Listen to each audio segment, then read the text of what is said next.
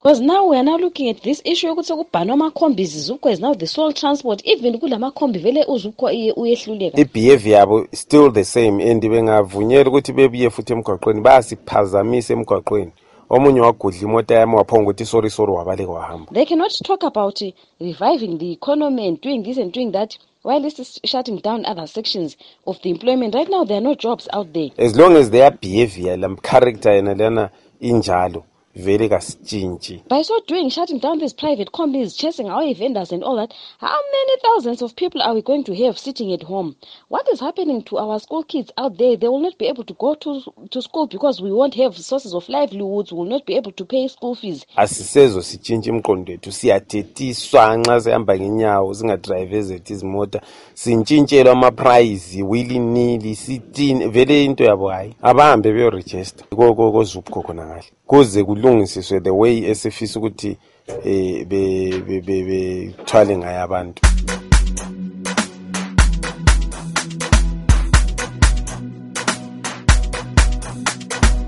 ulalele idialog podcast lapho sikhuluma khona ngendaba ezitshiyeneyo. Sikhuluma ke ngeziphathelane lamalungelo abantwana. Sibuye sikhulume ngeziphathelane lobugwelegwele lokukhohlakala okukhona sibuye sikhulume njalo ngezenzakala ezindlini. Lazo zonke ezinye ezijiyeneyo-ke ungasalela emuva lawo ke thumeza yakho ke i-voice note ku-0773 284598 la uphatheke kuzonke ke indlela okuxoxa ngazo khonapha ke radio dialogue giving you a voice yezihlalo nezinkulu semhlabeni abavumi Alo, umadlela lo, nilalile inyazarande la kobulawayo. Salibonani salibonani hlabezulu kuJezi Marabini lo. Muziwatshana mukumvelela Dialogue Podcast.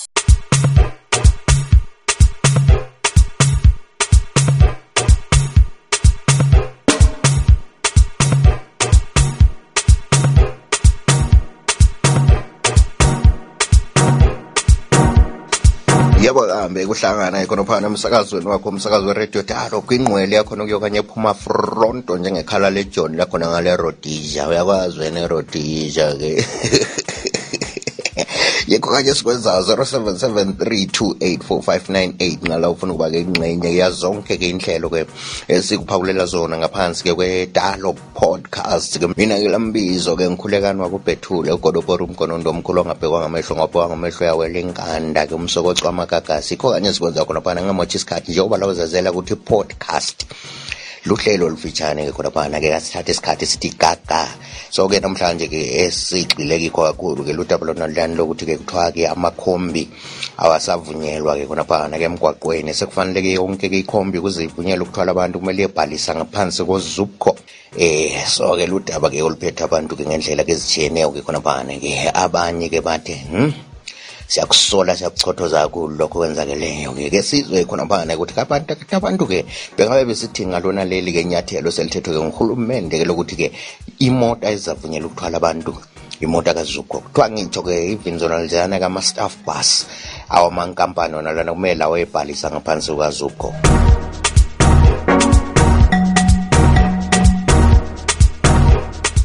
because now we are now looking at this issue yokuthi sekubhanwa amakhombi izizukho is now the sole transport even kula makhombi vele uzukho uyehluleka.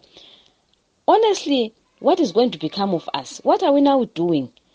If now people are getting home late increased risk of being mugged being raped and things like that surely government should really be practical. They should not just implement some of these things without it getting on the ground they should actually get on the ground babuye ominister bona labo belayine bezizwela ukuthi ukulayinela uzukho kubuhlungu njani and stop just implementing these things.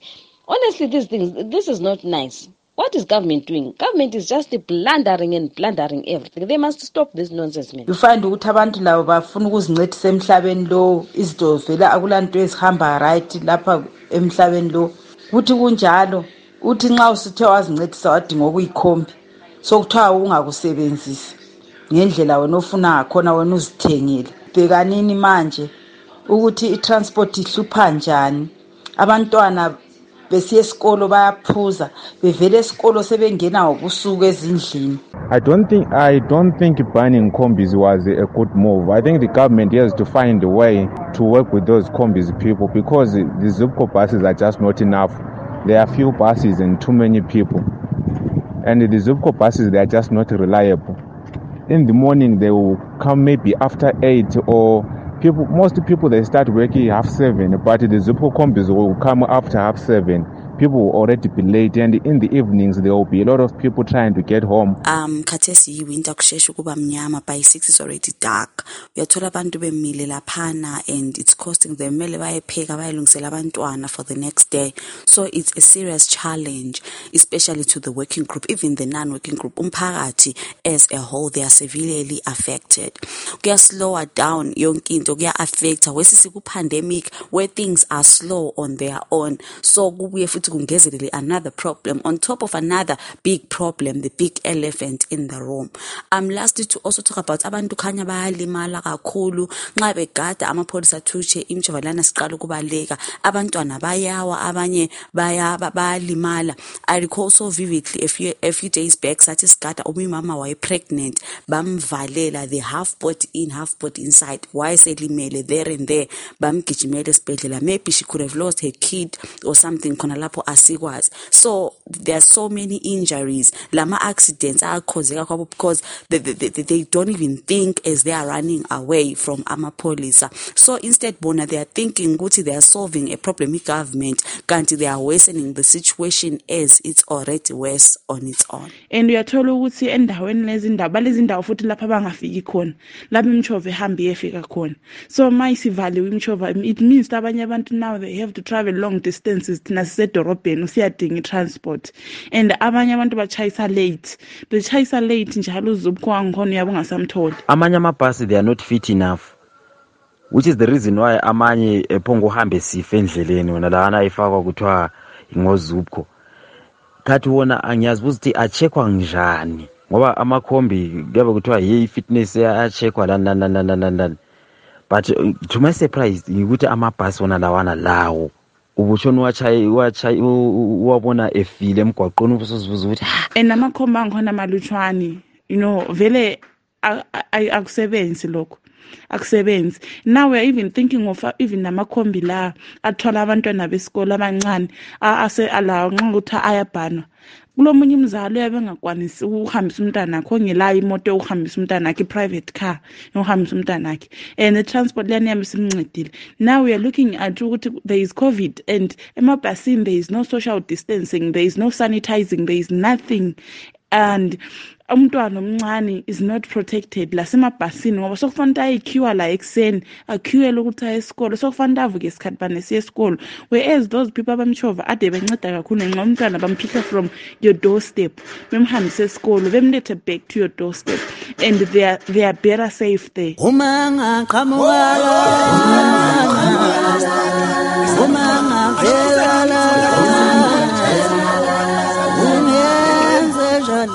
phela wona amabhalana nangesefaaaeza ngodozo yaqwaya izinto yakomqwayile uma ngaqhamukalaa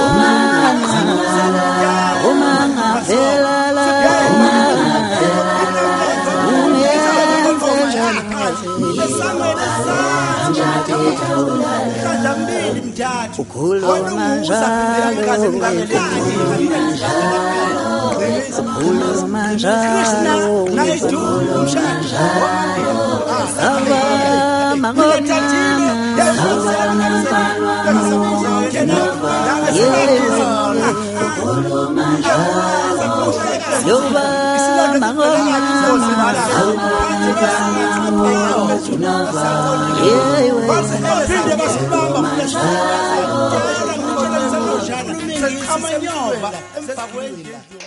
siqhubula phambili ngohlelo lwakho hlelo oluphawulelwa-ke iradio dialog umsakazo wakho umsakazo kabulawa inqwele yakhona kuye kanye uphuma phambili-ke sikhona pha-ke udialog podcast lapho esixoxa khona ngodabuloluyana-ke lokuthi-ke imota-ke ezithwala uzulu zavunyelwa-ke emgwaqweni-ke nxa zingabhalisanga ngaphansi kukazi ucingo 0773284598 okanye inombolo yakhona-ke esiyisebenzisayo nxa ufuna ukuxhumana lathi ye i-transport ibuhlungu sibili ngendlela okuyeyona kathesi ngokuswelakala kwayo. Uzukho yeka angeke enelise ukuthi akwane ukuthi athwala abantu bonke. But at the same time amadoda lawa awebopta um chova mbayiwa lalabana beblawayo transit ngaye nje bebebayekele bezimele bengamankampani enjalo bencedise uzulu.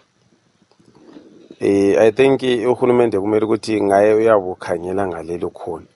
But kulaba bemshikashika laba hayi mina ngokwami personal ambathandi because i-behavior yabo even lakathesi masitshayela thina izimota i-behavior yabo still the same. And bengavunyela ukuthi bebuye futhi emgwaqweni bayasiphazamisa emgwaqweni. Omunye wagudla imota yami waphonga ukuthi sorry sorry wabaleka wahamba. And i'm facing ama-expenses ukuthi mina ngilungisise eyami imoto. Those guys i-behavior yabo is just irritating and iyasiharasa vele kabangasihlala abangangeni abayi-register le kuzubko. As long as their behavior lam character yena lana injalo vele kasitshintshi. Asisezo sitshintshe imiqondo yethu siyathethiswa nxa sihamba ngenyawo singadrayive ezethu izimota sintshintshelwa amaprayizi willy nili sithini vele into yabo hayi. Abahambe beyorejista kochova mbayi kozupco khona ngale kuze kulungisiswe the way esifisa ukuthi eh bethwale ngayo abantu. Angila problem kakhulu ngento zona lezi eziningi but indaba ye-transport abebhupta labechova mbayiwa laba-transit sizazama ukuthi sicele sibili ukuthi bebuyele ngendlela ababeyiyo yona. Labana abantu bebele order laba abangafuni ukurejista bayabedlalela egangeni khona ngale. Ye kuyaba phansi phezulu sibili lamapholisa we don't even care. Angazi-ke kulaba abathwala abantwana besikolo ukuthi bona khathi okubahlupha ukuthi behambe beyorejista bebe sebezithwalela abantwana besikolo kuyini. Ngoba mina mbona ngani nxa kuyukuthi ufuna ukuthi abe lokhu ekubhizinisi yona le uhulumende ma esithi kabahambe beyorejista kuzupho kabahambe beyorejista bebe sebesiyathwala labo bantwana. Ngoba na mbona ngani kunye okuyizinto babelokhu besihlupha ngezinto ezizabathwathela isikhathi ezinto ezingasezo zibaphathela ukudla etafuleni. So-ke the best iyona le ekhulunywa nguhulumeni because at the end of the day that's the governing lokuzeni uh, authority. So angazi ukuthi bona ukubahlupha ngokuthi beyorejista bathatha imali beyisa khona ngale yini kuzupho kumbe iyabe ilokhu ingena ezikhwameni zabo? Uh, the most painful part of it ukuthi kulabantwana abafundayo kathesi. Abantwana labana abafundayo abaya ezikolo bebethwalwa ngama-privates. So what they are saying are they saying kusho ukuthi wena nxa ufuna ukuthi uhaya ulokhuze ufuna ukuthi kuthwala abantwana besikolo kumele uyeqalisa uyerejista labo zupco futhi again. Imbi kakhulu into abayenzayo. Okokuqala bafaka impilo zabantu engozini ngoba bangavele bagijimisa umtshovu ukuthi kulabantu phakathi abakukhangeli okutshengisela ukuthi vele abalandaba lo mphakathi bona kumele bevikele umphakathi. Okwesibili vele ozupco khombi kabakwani. Abasikwani abantu vele ukuthi kuthiwe bengathwala bona bodwa abakwani nxa usufuna ukuya etown ngo-eight sokumele ubone ukuthi ngo-six Um, if we look at this issue of banning public transport or banning these other combis that have not joined the Zuko franchise, this issue is really a sore issue because it's affecting a lot of things. We already have workers that are depressed, that are stressed by the economic situation and working conditions. And here is government now banning these uh, private combis. How do they expect those people to get work on time? Are we not going for, are we not looking at a situation whereby now employers will end up penalizing their employees saying, uh, you came to work late? Bear in mind that some of these employees, they clock at work.